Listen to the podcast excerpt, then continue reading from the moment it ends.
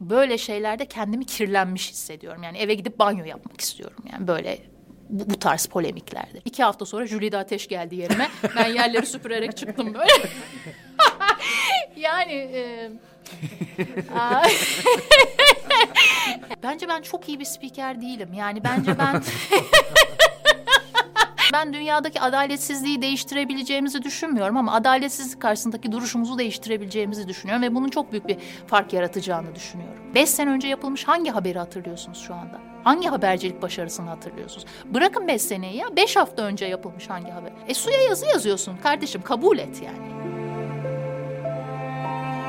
Ece Hanım hoş geldiniz. Hoş buldum. Sadece kendi merak ettiklerimi soruyorum. O Ben de yüzden- sizin merak ettiklerinizi çok merak ediyorum.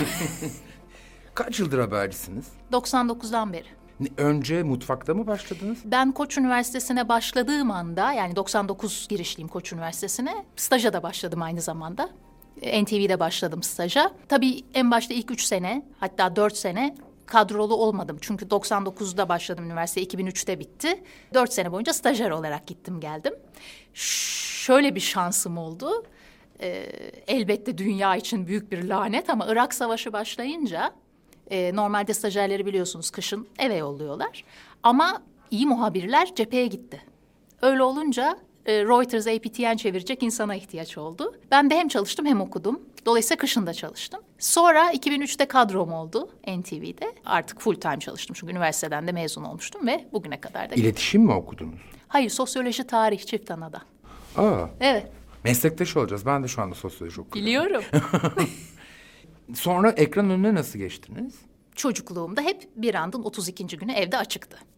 Ee, iyi bir editör olmak istedim. Önce öyle başladım. Dolayısıyla işte muhabir e, ve iyi bir belgeselin editörü. Hem alanda hem içeride editörlük yaparak devam etmek istedim. Fakat NTV'ye gidip gelirken şunu fark ettim. Şöyle bir benzetme yapıyorum kafamda. İyi bir restorana niye gidersiniz? İşte yemeğini beğendiğiniz için. E o yemeği kim yapar? Aşçı. Peki siz bahşişi kime verirsiniz? Garsona. E haber öyle bir şey. Yani asıl emektarlar kameramanlar, muhabirler, editörler, e, prodüktörler, montajcılar. Ama bahşişi kim alıyor? Spikerler. Yani onu sunan, o yemeği sunan. Ya dedim ben bahşişi de istiyorum. Hepimiz içinde bir gıdım teşhircilik var bence. Görünür de olmak istedim. Ondan sonra e, muhabirlikten zaten ekran önüne doğru evrildi olay. Diksiyon dersi bir şey aldınız mı? Gittim. E, Can Gürzap, Arsen Gürzap'ın biliyorsunuz diyalog. E, oraya gittim altı ay. Ana haber bir yandan da rekabetin çok ağır olduğu bir alan. Çünkü e, seyirci dışarıdan öyle görmüyor ama e, bir kanalın ana omurgası ana haberdir. Evet. Ana haberin çok sağlam olması lazım ki sonraki prime time'a müşteri taşısın. O kadar ağır bir rekabette çalışmak çok zor bir şey mi? Çok zor bir şey. Yani çok sağlam bir sinir sistemi istiyor. Bir. iki rekabetten ne anlıyoruz? Yani işte ben atletim. Çok uzun süre e, orta ve uzun mesafe koştum. Bizde e, saniyenin binde biri önemli. Dolayısıyla sağdaki ve soldaki kulvara bakmazsın. Sadece önüne bakarsın. Ben o silahlarla donatılmadım. Ne ailemde, ne sonrasında, ne okul hayatımda. E, çok fazla çelme takıldığı, yandaki kulvardakine, öbürüne. E, bel altı çok vurulabilen e, bir sektör. Bütün bunlar olurken elbette e, er veya geç gideceğiniz yere gidiyorsunuz. E, nereye gitmek istediğinizi biliyorsanız, bu konuda kararlıysanız, yeterli donanımınız ve tabii ki şansınız da varsa bir şekilde oraya varıyorsunuz. Bazen geç oluyor. Bana hatta diyorlar yani bu son bir senedir e, gerçek Ece'yi insanlar gördü. E biz seni çok eskiden beri tanıyoruz. Ben de diyorum ki bir gecede şöhret olmam 20 senemi aldı. Frida Kahlo'nun bir dik duruşun kaç gözyaşı, kaç kalp ağrısı, kaç hayal kırıklığı ettiğini bilebilir misiniz lafı var ya. Yani çok kalp ağrısı, çok gözyaşı, çok hayal kırıklığı oluyor. Ee, ama oluyor yani sonunda. Ben de oldu. Arada e, çıkışlar yapıyorsunuz ana Evet, haberde. evet. İşte konuşmalar yapıyorsunuz. Sonra onlar çok konuşuluyor. Onları hazırlıyor musunuz? Yoksa on, o haberi okuduktan sonra o aklınıza gelen bir doğaçlamayla mı gidiyor? Kısa olanlar doğaçlamayla gidiyor. Uzun olanlar, bazıları böyle diskur şeklinde uzun, hiç bitmeyen cümleler var ya bendeki. Yanlış üslup doğru sözün celladıdır. Ben ona inanıyorum. Dolayısıyla doğru üslubu seçmek için bayağı üzerine kafa yoruyorum. Çünkü öbür türlü muhalif bir şeyi, adalet sistemine, devlete karşı muhalif bir şeyi e, çok langur lungur kelimeleri seçmeden söylersem bunun kaybet kaybet olacağına inanıyorum. Nasıl oluyor? Önünüze haber metinleri geliyor. Siz hangi met- e, haberde Onu ben seçiyorum. siz seçiyorsunuz. Bu haberde ben bunun arkasından bir ufak bir konuşma yapacağım. İstiyorum diyorum. Evet. Sonra ona birisi izin mi veriyor? O metne birisi bakıyor mu? genellikle bakıyorlar. Yani bazı durumlarda daha has, hafif geçtiğim şeylerde eee, bakmıyorlar. Aslında bu bir tavır. Yani ana habere gelen bir tavır aslında bu.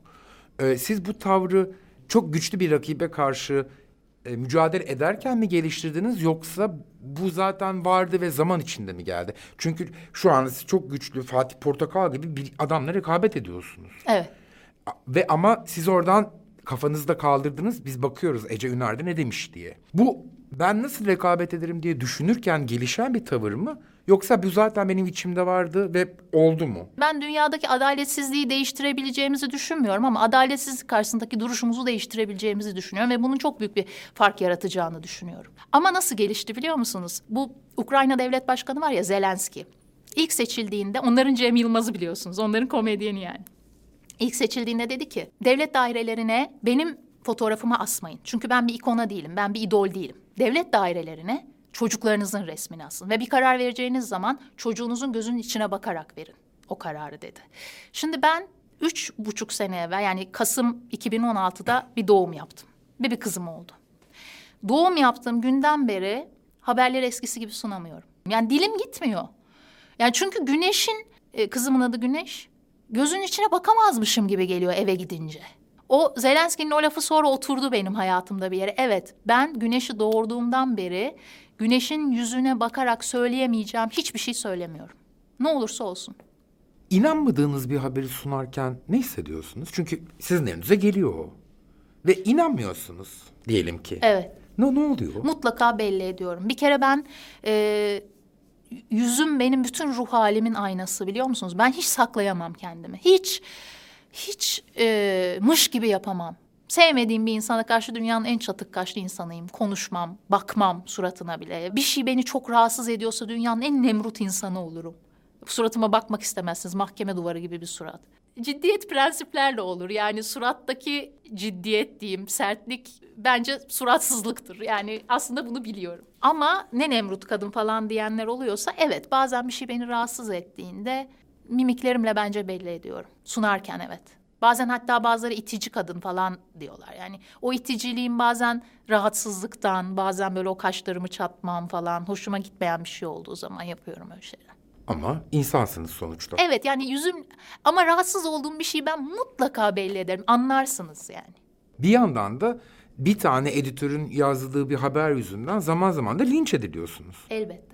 Oysa ki o haberi yazan siz değilsiniz. Değil. Siz sadece okuyansınız. Tabii. Hatta şöyle oluyor. Önünüze gelen bütün haberlerden editoryal olarak da bence sorumlusunuz. Yani ben sorumluyum. Ama mesela ne oldu? En son linç yediğim işte Galatasaray görüntüsü yani FETÖ'den e, Fenerbahçeli oyuncular hüküm giydiler. Biz sonuna bir işgüzarlık yapmış bir arkadaşımız son anda şey görüntüsünü de eklemiş. Galatasaraylı futbolcuların o hani hepimizin zihninde yer eden e, Fethullah Gülen'in etrafındaki görüntüsü var ya eklemiş. Bunu eklediğinde ben aşağıya stüdyoya haberi sunmak üzere inmiştim. Şimdi bazı haberler e, 6.54'te biz biliyorsunuz reyting oyunları. Yani 6.54'te giriyoruz bültene 7'de değil. 6.50'de ben stüdyoda hazır bulunduğumda daha 5-6 haber yazılmaya yeni başlanmış oluyor. Öyle eskisi gibi haber merkezlerinde 25 kişi, 30 kişi, 35 kişi çalışmıyor. Hele şimdi bu korona döneminde. E, yeni baş, yazımına yeni başlanmış bir haberi ben nasıl görebilirim? Haber sunarken, sunduğum esnada. E, böyle şeylerde evet, linçi de siz yiyorsunuz. Ama hayat bu. Yani alkışı e, alırken çok güzel, linçi yerken aa ben yapmadım o yaptı falan.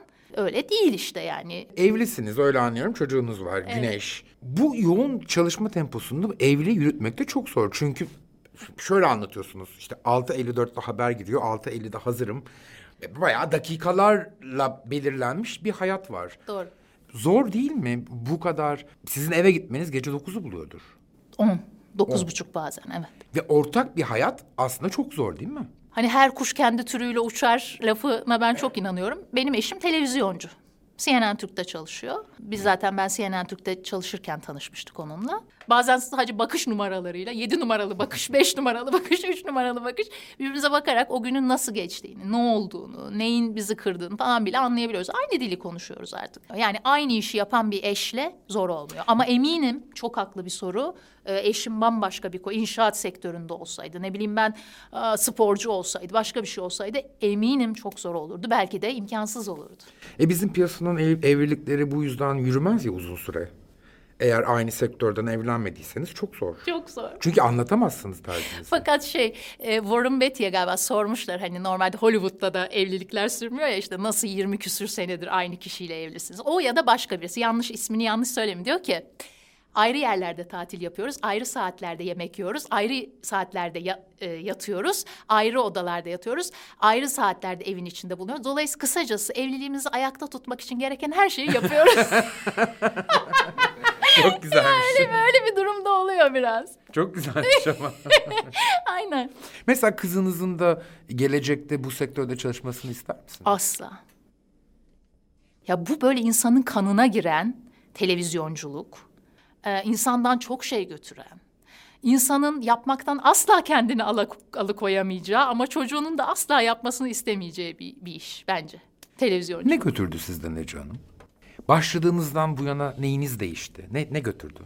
Hani çocukluk saflığı vardır ya yani hiç aklınıza kötü bir şey getirmek istemezsiniz. Asla aklınızdan kötü bir şey geçirmezsiniz. Kötülüğe bile iyilikle cevap verirsiniz. Çünkü bilirsiniz ki hani iyiliğe karşılık iyilik tefeciliktir veya alışveriştir. Şimdi artık böyle alışveriş şey geçiyorsunuz. Yani bana bir şey yapılıyorsa ben de yapıyorum veya beni biri oyunun içine çekmeye çalışıyorsa ben de o oyuna çoğu zaman girmemeye çalışıyorum ama mesela en son Ahmet Hakan'la bir polemik yaşadık. Görmüşsünüzdür. Susayım mı diye düşündüm önce. Sonra susmak istemediğime karar verdim falan. Bunlar benlik şeyler değil normalde. Yani hiç tarzım değil. Beni tanısanız günlük hayatta e, böyle şeylerde kendimi kirlenmiş hissediyorum. Yani eve gidip banyo yapmak istiyorum. Yani böyle bu, bu tarz polemiklerde. Çünkü ne kestin koç ne yedin hiç. Bunun hiç kimseye bir faydası yok. Elbette sinir sistemim güçlüdür dedim ama yordu. Yani sinir sistemimi de zorladı. Dedim ya yani altı sene, yedi sene e, ciddi iddialı bir muhabirlikten sonra sıfırdan başladım. Yoruldum. Başka bir sektörde olmayacağı, yani yorulmayacağım kadar yoruldum bence. Ama değdi mi? Değdi. Hiç keşkem yok. Yani e, bugün olsa başka bir şey yapar mıydım? Yapamazdım bence e, yapmak istedim ve yaptım. İyi ki de yapmışım diyorum. Eve iş götürür müsünüz? Yani sizin için her şey iş mi? Mesela atıyorum hafta sonu eşinizle beraber televizyon seyrediyorsunuz. Benim televizyonculuk yaptığım dönemden biliyorum. Televizyonculuk yaptığınızda hayat işiniz haline geliyor maalesef ki. Öyle. Bir ara iş cinseldim. Yani yedi gün falan çalışıyordum. Ben, ben iş onu cinsel yani... güzel lafmış. Hakikaten yedi gün çalıştığım bir dönem var. Şöyle şimdi benim babam CNN Türk'te genel müdürlük yaptığı için ve ben de o dönem CNN Türk'te. Kim sizin baban? Dinçüner. Öyle mi? Evet. O dönem e, CNN Türk'te bulunduğum için onun kızı olarak başladığım düşünüldü uzun süre. O yüzden insanlar bir birim çalışırken benim on birim çalışmam gerekti. Bir ara hayatım sadece işti. Ama sonra Güneşten sonra dediğim gibi çok şey değişti. Güneşe kadar. Yani bence benim için milattan önce ve milattan sonra her bakımdan güneşin doğuşu. Güneş doğduktan sonra asla keşke demek istemiyorum. Çünkü benim çalışan bir annem vardı. Beni babaannem büyüttü. O kadar çok keşkemiz kaldı ki annemle. O kadar çok tamamlanmamış cümlemiz var ki ve o hala travma yaratıyor ilişkimizde. Ben bunu yaşamayacağım dedim. Hatta ben hamileyken karnım böyle tam top gibiydi. Popom falan da büyümemişti, yayılmamıştı. Arkadaşlarım diyordu ki kesin erkek çocuğun olacak senin. Yani öyle derler ya işte yayıldığında biraz kadın çirkinleşine kız çocuk. Kesin erkek çocuğu. En yakın arkadaşım dedi ki senin kızın olacak dedi. Daha o zaman e, göstermiyordu cinsiyetini çocuk. Dört buçuk beş aydı. Niye senin kız çocuğun? Herkes erkek olacak diyor işte erkek gibi zaten falan. Dedi ki sen o sınavı geçemedin. Anne kız ilişkisini sen geçemedin. Bütünlemeye kaldın. Şimdi sen o bütünlemeye giriyorsunuz. Bence sen tekrar anne kız ilişkisinden sınava tabi tutulacaksın. Hayatta geçemediğiniz ya patern olur ya yani hep aynı paterne takılıyorum ilişkilerde, arkadaşlıklarda falan. Evet yani kız geldi ve o zaman annemle yaşadığım bütün eksikliklerin acısını da çıkarırcasına güneşsiz bir dakikam yani iş dışında yok. Onun için de değişti. Yani artık işcinsel değil. Anneniz çalışıyor muydu? Evet bankacıydı. Dün de gelen bir konuk böyleydi. Galiba e, ebeveynlerden bir tanesinin eksikliğini yaşayan çocuklar hayatta daha başarılı oluyorlar gibi bir his geldi içime dünden beri. Çünkü o bir ispat duygusu getiriyor belki de. Belki de siz annenize kendinizi ispat etmek için bu kadar e, işe sarıldınız filan. Belki de. Ben bi- bilmiyorum belki de ben anneme beni daha çok sevsin diye hani bu kadar çalıştım başarılı oldum bilmiyorum. Bir itirafta bulunayım. Yani normalde sevmiyorum ben röportaj vermeyi. Bu programa gelirken çocuk gibi heyecanlıyım. Yani çünkü Gör Beni tam adı gibi size baktığında konuklar, izledim bütün programlarınızı. Aynaya bakarmışçasına kendilerini görüyorlar ve bence anlıyorlar. İlk defa mesela böyle bir çıkarsama oldu hayatımda. Evet belki de anneme gör beni demeye çalışıyordum bunca yıldır yani. Olabilir. Herkes beni babacı zanneder. Hatta dün akşam annem bizde yemekteydi. Ben bir kelime geçmiyor benle ilgili hayatında. Sanki kadının adı yok ben yokum falan diye böyle sitemde bulundu. Belki de birçok şey onunla ilgilidir. Bir psikanaliz boyutu var bu programın. Çok heyecanlandığım kısmı o zaten. Yani sizin bile kendinize dair bilmediğiniz, asla kendi kendinize itiraf etmediğiniz bir şey çıkıveriyor. Yani herkesle ilgili çıktığını gördüm. Demin e, laf arasında dediniz ki hiç pişman olmadım yaptığım işten. Evet. E, böyle hissetmek çok güzel. Mesela ben 24 yıl televizyonla ilgili çalıştım. Mesela bugün geri dönsem yapmazdım. Ama siz böyle hissetmiyorsunuz anladığım kadarıyla. Hissetmiyorum. Bugün olsa bugün gene yaparım diyorum. İlginç. Üstelik kaybettiğinizde hani bir duygu duygular bütünü de var televizyonculuk yüzünden. Tabii. Ama buna rağmen yine yaparım diyorsunuz. Yaparım çünkü büyük büyük cümleleri kurmayı e, bıraktığımda ve şunu fark ettiğimde bu sektörle ilgili. 2014'te ilk Show Haberi, ana haberi sunmaya başladığımda gençtim. Yaşım küçüktü. Çok röportaj talebi geliyordu ve röportajlarda şöyle diyordum. İşte bizler Nevşin Mengü de konuğunuz oldu. Nevşin Mengü, ben, şu bu alandan geliyoruz. İşte bir gün Ali Beyköy su baskınında, ertesi gün depremde, ertesi gün e, Akçakale'de, savaşta, cephede, işte ertesi gün Çırağan'da liderlerle bilmem ne. Artık öyle Türkiye güzeli olup da e, gelip haber sunmak yok dedim. İki hafta sonra Jülide Ateş geldi yerime. Ben yerleri süpürerek çıktım böyle. yani... E, Sonra tekrar geri döndüm ama şunu öğrendim. Bu sektörün şeyi hani kartallar avlarını en tepeye çıkarırmış ki oradan bıraktığında daha çok parçaya ay- ayrılsın ve yemesi çok kolay olsun. Sizi böyle en tepeye çıkarıyor ve pıt oradan bırakıveriyor ve böyle eğer merkez kaç kuvvet orasıysa yani hayatınızın bütün odağı bu ekran önünde olma hali, bilinirlik, yani onun getirdikleri ise çok parçaya ayrılıyorsunuz ve yemesi de çok kolay oluyor. Onun için ben hayatımın odağını değiştirdim. Mesela kendimi hiç bunun yan etkilerine diyeyim e, kaptırmıyorum. Nedir? Mesela Instagram hesabım yok. Twitter? Devamlı kendimi Twitter var. Bir tek Twitter var. Sosyal medya, Facebook'um yok, Instagram hiçbir şeyim yok. Kendimi fotoğraflayıp böyle kendimi mesele edip devamlı şimdi yayına giriyorum, şimdi yayından çıkıyorum. Yani en güzeli daha gelmedi yani şairin de dediği gibi. Tamam yani bu bu hallerden vazgeçtiğimden beri bu iş bu işin bu boyutuyla bu nankörlük boyutuyla barıştığımdan beri bizim işin. Çünkü suya yazı yazmak. Yani beş sene önce yapılmış hangi haberi hatırlıyorsunuz şu anda? Hangi habercilik başarısını hatırlıyorsunuz? Bırakın beş seneyi ya beş hafta önce yapılmış hangi haber? E suya yazı yazıyorsun kardeşim kabul et yani. Ee, ve unutulacaksın ve geçecek. Mesele kubbede hoş bir sada benim için. Keyfine, keyfime bakıyorum. Ee, kelimelerim var cebimde. Kelimelerin gücüne çok inanıyorum. Sözcüklerin büyü olduğuna inanıyorum. Robin Williams 21 Temmuz doğumluymuş. Ee, ben de 21 Temmuz doğumluyum. Geçen gün onu fark ettim. Ernest Hemingway falan 21 Temmuz doğumludur. Yani Ece Temel Kur'an mesela 22 Temmuz doğmuş. Yani bu, bu, bu çok burçlara birazcık takık bir tipim ben. Ee, kelimelere, sözcüklerle işi olan adamlara e, adamlardan biriyim. E, en büyük büyünün sözcük olduğuna inanıyorum. Yani biri, birileri bana büyü yaptı falan diyoruz ya. E, Birileri senin hakkında gidiyor birinin kafasını dolduruyor. O büyü işte o sözcüklerle sana büyü iyi ya da kötü. Aa, iyi anlamda büyüleyebileceğime inanıyorum dünyayı veya insanları. Eşin de onun keyfine varıyorum kelimelerin gücü adına falan diyerek. Haberci olmak bir yandan da aslında özel hayatınızda sürekli kendinizi de geliştirmek zorundasınız. elbette. Hep okumak zorundasınız. Gazete, popüler kültür. Bitmeyen bir çalışma biçimi o. Evet. Bu çok yorucu değil mi canım? Çünkü siz roman okurken de aslında iş yapıyorsunuz. Müzik klibi dinlerken de iş yapıyorsunuz. İşte Hemingway'in bir roman kitabını okurken de iş yapıyorsunuz. Yoran bir şey değil mi? Değil. Çünkü diğerkamlık diye bir kelime var bizde. Mesela alameti farikan nedir deseniz, Ece'nin alameti farikası nedir? Bence diğerkamlık. Yani insanların halet rüyesini anlamak için çok büyük çaba harcıyorum. Ee, dün akşam bir yerde okuyordum. 1984'te bu e, Nobel Barış Ödülünü alan e, Desmond Tutu var. E, Güney Afrikalı din adamı biliyorsunuz. Ubuntu diye bir şeyden bahsediyor. Ubuntu e, insanın insan olabilmek için diğer insanlara ihtiyaç var. Yani birbirimize görünmez sicimlerle bağlıyız. Dolayısıyla bir bütünlük e, biz olarak bakmak yani meselesi felsefesi. Dolayısıyla işte haksızlığa birisi haksızlığa uğradığında ben de haksızlığa uğramış oluyorum. Birisinin başına kötü bir şey geldiğinde aslında ben de çünkü biz büyük bir resmin parçalarıyız.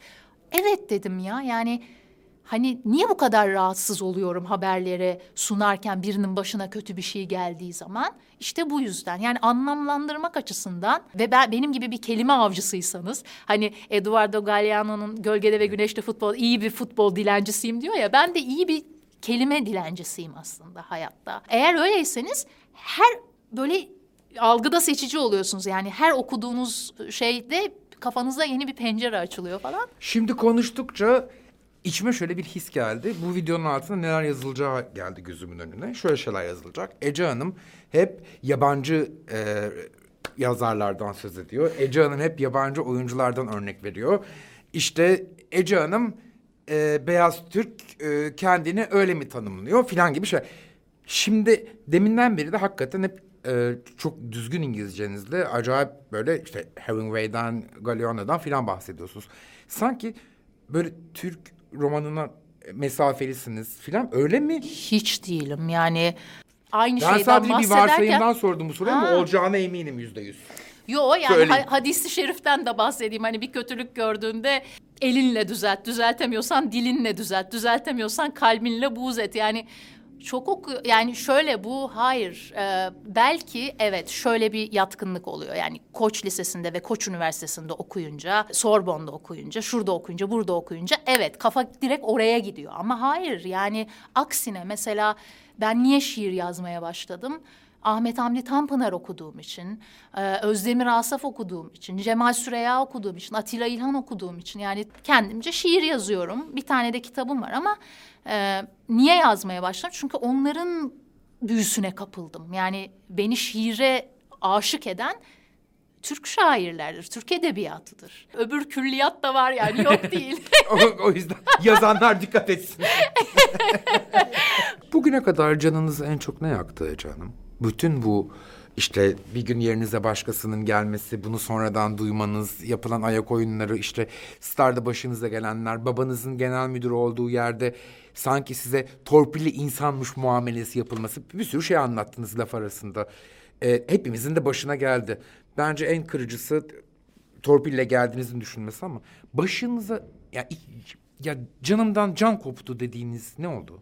Bence iki olay. Bir tanesi dediğim gibi sabaha kadar seçimleri sunduğum günün ertesi günü gittiğimde orada e, başka birinin oturduğunu görmek. E, bir de haber sunacaksın diye işte çağrıldığım Star'da. Üç dört ay gittim geldim. Bir gün Serhat Ulueren o zaman Star Spor'daydı.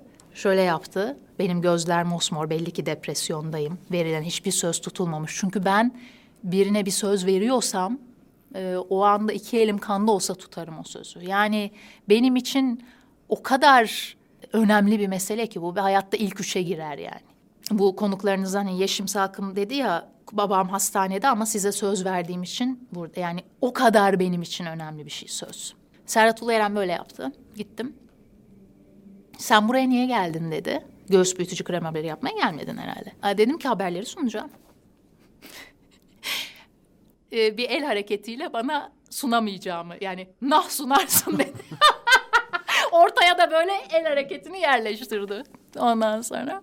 Niye öyle dedim? Burada dedi birileri, şimdi o kişiler çok önemli yerlerdeler ve çok polemik olsun istemiyorum ama senin haber sunmanı burada istemiyorlar. Yani yüzünü ekrandan çıkarmanı istemiyorlar. yani başımdan aşağı kaynar sular döküldü. Yani yedi senelik bir emek, çok iddialı bir başlangıç. Ben Avrupa Birliği eğitimi aldım mesela Brüksel'e gidip sırf o dönem Türkiye'nin bir Avrupa Birliği çıpası Macerası vardı, vardı. macerası vardı falan. Yani her şeyi en mükemmeliyle yapmaya çalıştım her konuda. Siyans politik denilen şey Fransızca okunması gereken bir şey diye mesela ben gidip Sorbonne'da Fransızca yoksa ben Fransızca biliyordum zaten. Her şeyi böyle çok idealizmle yaptım falan ve bir anda göğüs büyütücü krem, ekran yok falan. Hmm, Bu iki olay galiba en çok inciten. Sizce Türkiye'nin habercilik duayeni kim? Kimdir yani?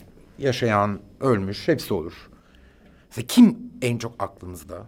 Mehmet Ali Birant ve Reha Muhtar. Niye Reha Muhtar diyeceksiniz? Bu Oğuz Atay'ın Türkiye'nin Ruhu diye bir kitap çalışması varmış. Hiçbir zaman bitirmemiş. Ben bunun birileri tarafından bitirilmesi gerektiğini düşünüyorum. Kendime güvensem yani kendimi bir yüksek fikirlerimi güvensem yani kim benim yüksek fikirlerimi merak etsin anlatabiliyor muyum? Ama yani hani biraz daha donanımlı olabilsem kendimce e, mesela çok isterim öyle bir şey. Türkiye'nin ruhunu iyi kavrayabilmiş birisiydi Reha Muhtar. Çok. Bir ara Asmalı Konak 35 falan şehir alırken e, Şov Haber daha fazla falan alıyordu. Hatırlar mısınız o? Hatırlıyorum. Siz benden çok daha iyi bilirsiniz. Türkiye'nin o ruhunu, o Oğuz Atay'ın bahsettiği Türkiye'nin ruhunu kavrayabilmiş, avucun içine alabilmiş bir adamdı o dönem. Onun için hani herkes acı var mı acı falan diye işin dalgasında ama öyle değil o iş. Böyle haber programları sun- sunarken CNN'de, Habertürk'te moderasyon yaparken anlayamadığım ve kavrayamadığım kadar Şov Haber'de üçüncü sayfa haberlerini Türk insanının sunarken kavradım ben insanımı. Ve Şov Haber'e geçtiğimden beri hiçbir seçim tahminim yanlış çıkmadı. Bunu çok net söylüyorum size. Noktası virgülüne kadar yani. Çünkü öyle büyük büyük e, bilim adamlarıyla, insanlarla, şunlarla, bunlarla moderasyon yaptığım günlerde ben kavrayamadım. Çünkü orada daha bir hani o sosyal medyanın bir kandırıkçılığı vardır. Gezi döneminde güya iktidar değişecekti sosyal medyaya bakarsanız. Ama öyle değil. Yani kendisi o ruhu, o özü neyse esansı şeyin Türk insanın onu e, Show Haber'de kap kavradım. Reha Muhtar onu o dönem çok iyi kavramıştı bence. Mehmet Ali Birant da işte yani duayeni bu işin bence. Çünkü kendiyle dalga geçebilen, ekranda e, o enerji alışverişini yapabilen. Çünkü insanlar edilgen bir şekilde böyle izlemiyorlar ki televizyonu. Yani onlar da etkin bir şekilde izliyorlar. Sizle konuşurken yazıyorlar, çiziyorlar, kafalarından bir şey geçiriyorlar. Sizle ilgili soru öneriyorlar falan. O bağı, ba- iletişim bağını e, iyi kurabilen birisiydi. Hep bir ön yargımız vardır ya bizim güzel kadınlara karşı. Mesela size de oluyor mu? Siz güzel bir kadın olduğunuz için aslında cahilsinizdir. Hep öyle bir ön yargı var ya. Evet başlangıçta oldu. Başlangıçta oldu ama sonra bence e, hatta şimdi mesela bakıyorum bazen e, Ece de güzel kadın değil falan diyenler de var. Ay çok hoşuma gidiyor. Ay başarmışım diyorum evet yani. Çünkü böyle bilmiş bilmiş konuşanlar artık biz de saatten sonra göze çok güzel gelmez ya. Evet oluyor yani e, ama güzellik bir tavsiye mektubu. Yani bizden önce seyirciye ulaşan, karşınızdaki insana ulaşan bir tavsiye mektubu. Sonra o mektubu açıp okuduğunuzda beğenmezseniz kapatıyorsunuz. Yani bir zaplık canımız var hepimizin sonuçta. Siz bu işi benden bin kat daha iyi biliyorsunuz. Yani bir zaplık canımız var. Hop elinde saniye. kumanda. Bir saniye. Geçti gitti bitti. Artı e, güzellik geçici dur.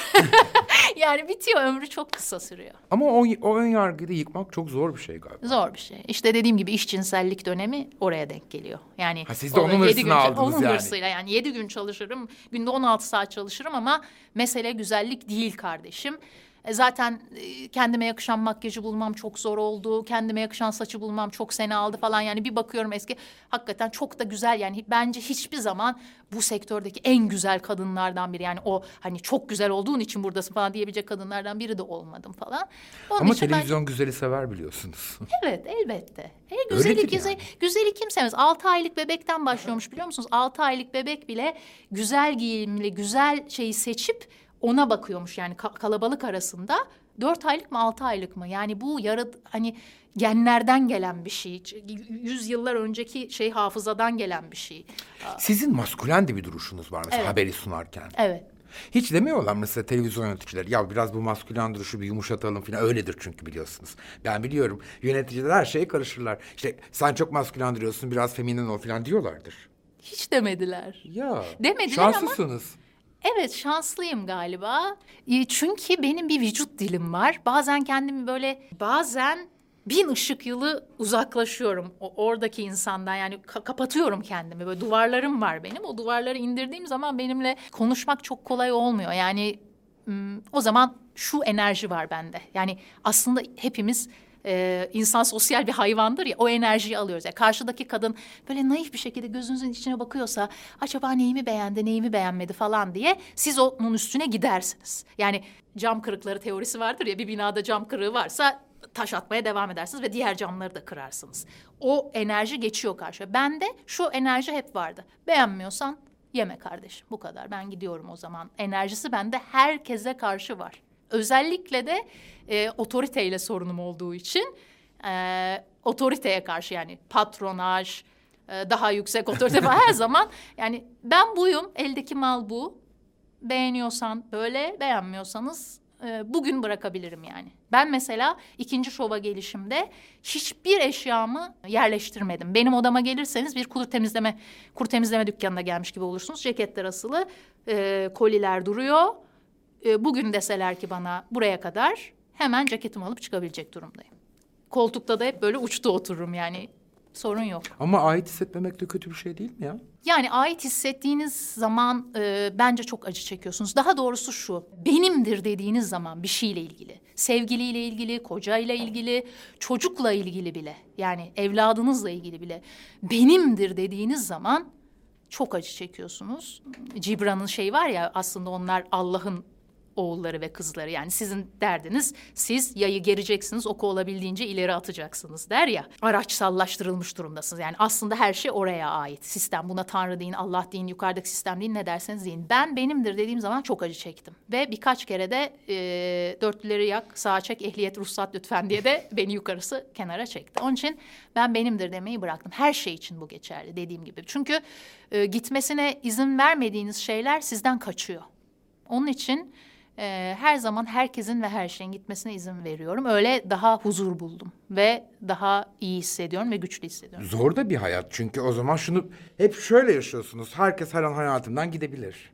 E, ama tam da o yüzden o anın dolu dolu yaşıyorum. Yani şimdi ben bugün bana sorsanız e, bu kafa ya bu tarifeye geçtiğimden beri e, her bir dakikamı bile dolu dolu yaşıyorum diyorum ya yani buradan çıktım gittim bana bir şey oldu diyelim ki ben hani bu yaşam koşulları devamlı anda olmak orada olmak falan diye üstünde tepindikleri şeyi ben artık deneyimliyorum hayatımda sahip olduğumuz her şey şu an sonsuz bir şu an içerisindeyiz Ee, o yüzden benim dedemin bir lafı vardı asıldığın ipe kanın değsin derdi yani bir takımı tutacaksan tam tut bir kadını seveceksen tam sev bilmem ne bilmem. Asıldığın ipe kanın değsin kanın değsin. Aynen. Yani senin astıkları ipe kanın değsin. Yani hakkını ver. Her ne yapıyorsan. Şimdi yüzde yüz oradayım yani. Onun için de o dolu dolu yaşadığım için her an gidebilme ihtimali beni korkutmuyor. Hayatın böyle bir şey olduğunu düşünüyorum zaten ama yani. Sizinle bu sohbetten sonra sizin hakkındaki hakkınızdaki bütün fikirlerim değişti mesela. Televizyonda seyrettiğimden bambaşka bir insan var burada. Televizyonda çok mesafeli, çok maskülen, e, böyle ulaşılması zor ama hiç öyle değil. O bilerek alınan bir tavır mı? Hayır, bence değil. Değil. Bence ben çok iyi bir spiker değilim. Yani bence ben... bence ben birebir sohbette beni anlamak daha kolay. Yani o ekran yani o kamerayı önümde gördüğümde falan araba farı görmüş tavşan gibi kalıyorum belki de. Yani tutukluktan değil söylemek istediğimi söylüyorum ama o donukluğu o mesafeyi aşamıyorum. Niye bilmiyorum yani. Acaba o bir ön yargı mı mesleğe karşı? Yani ana haber sunan insan ciddi olmalı. Hep böyle öğrettiler ya bize. Ama Arman Bey şöyle bir şey var yani o kadar tatsız haber hani Ahmet Hamdi Tanpınar'ın şeyi vardır ya Türkiye evlatlarına kendinden başka bir şeyden e, bahsetme fırsatı vermiyor diye. Yani o kadar yoğun bir gündem, o kadar ağır bir gündem. Ya nasıl güleyim şimdi yani bu kadar e, cinayet, bu kadar işte asayiş haberinin diyeyim yani veya işte adaletsizlik, şunlar bunlar. Yani onları anlatırken nasıl sempatik bir kadın olayım? Yani çünkü ben içselleştiriyorum. Ben bir şey okurken sadece hmm, nasıl görünüyorum? Dudaklarım acaba şu an nasıl çıkıyor? Gözlerim ya da profilim falan diye bakmıyorum. Yani ben onu okurken onun içinde oluyorum ve onun içinde olduğum için de o duygu bana geçiyor. O duygu bana geçince nasıl gülümseyemiyorum yani gülemiyorum. Hani beni sağdan çek daha iyi soldan çek konsantre hiç olmadım bugüne kadar. Gerçekten olmadım.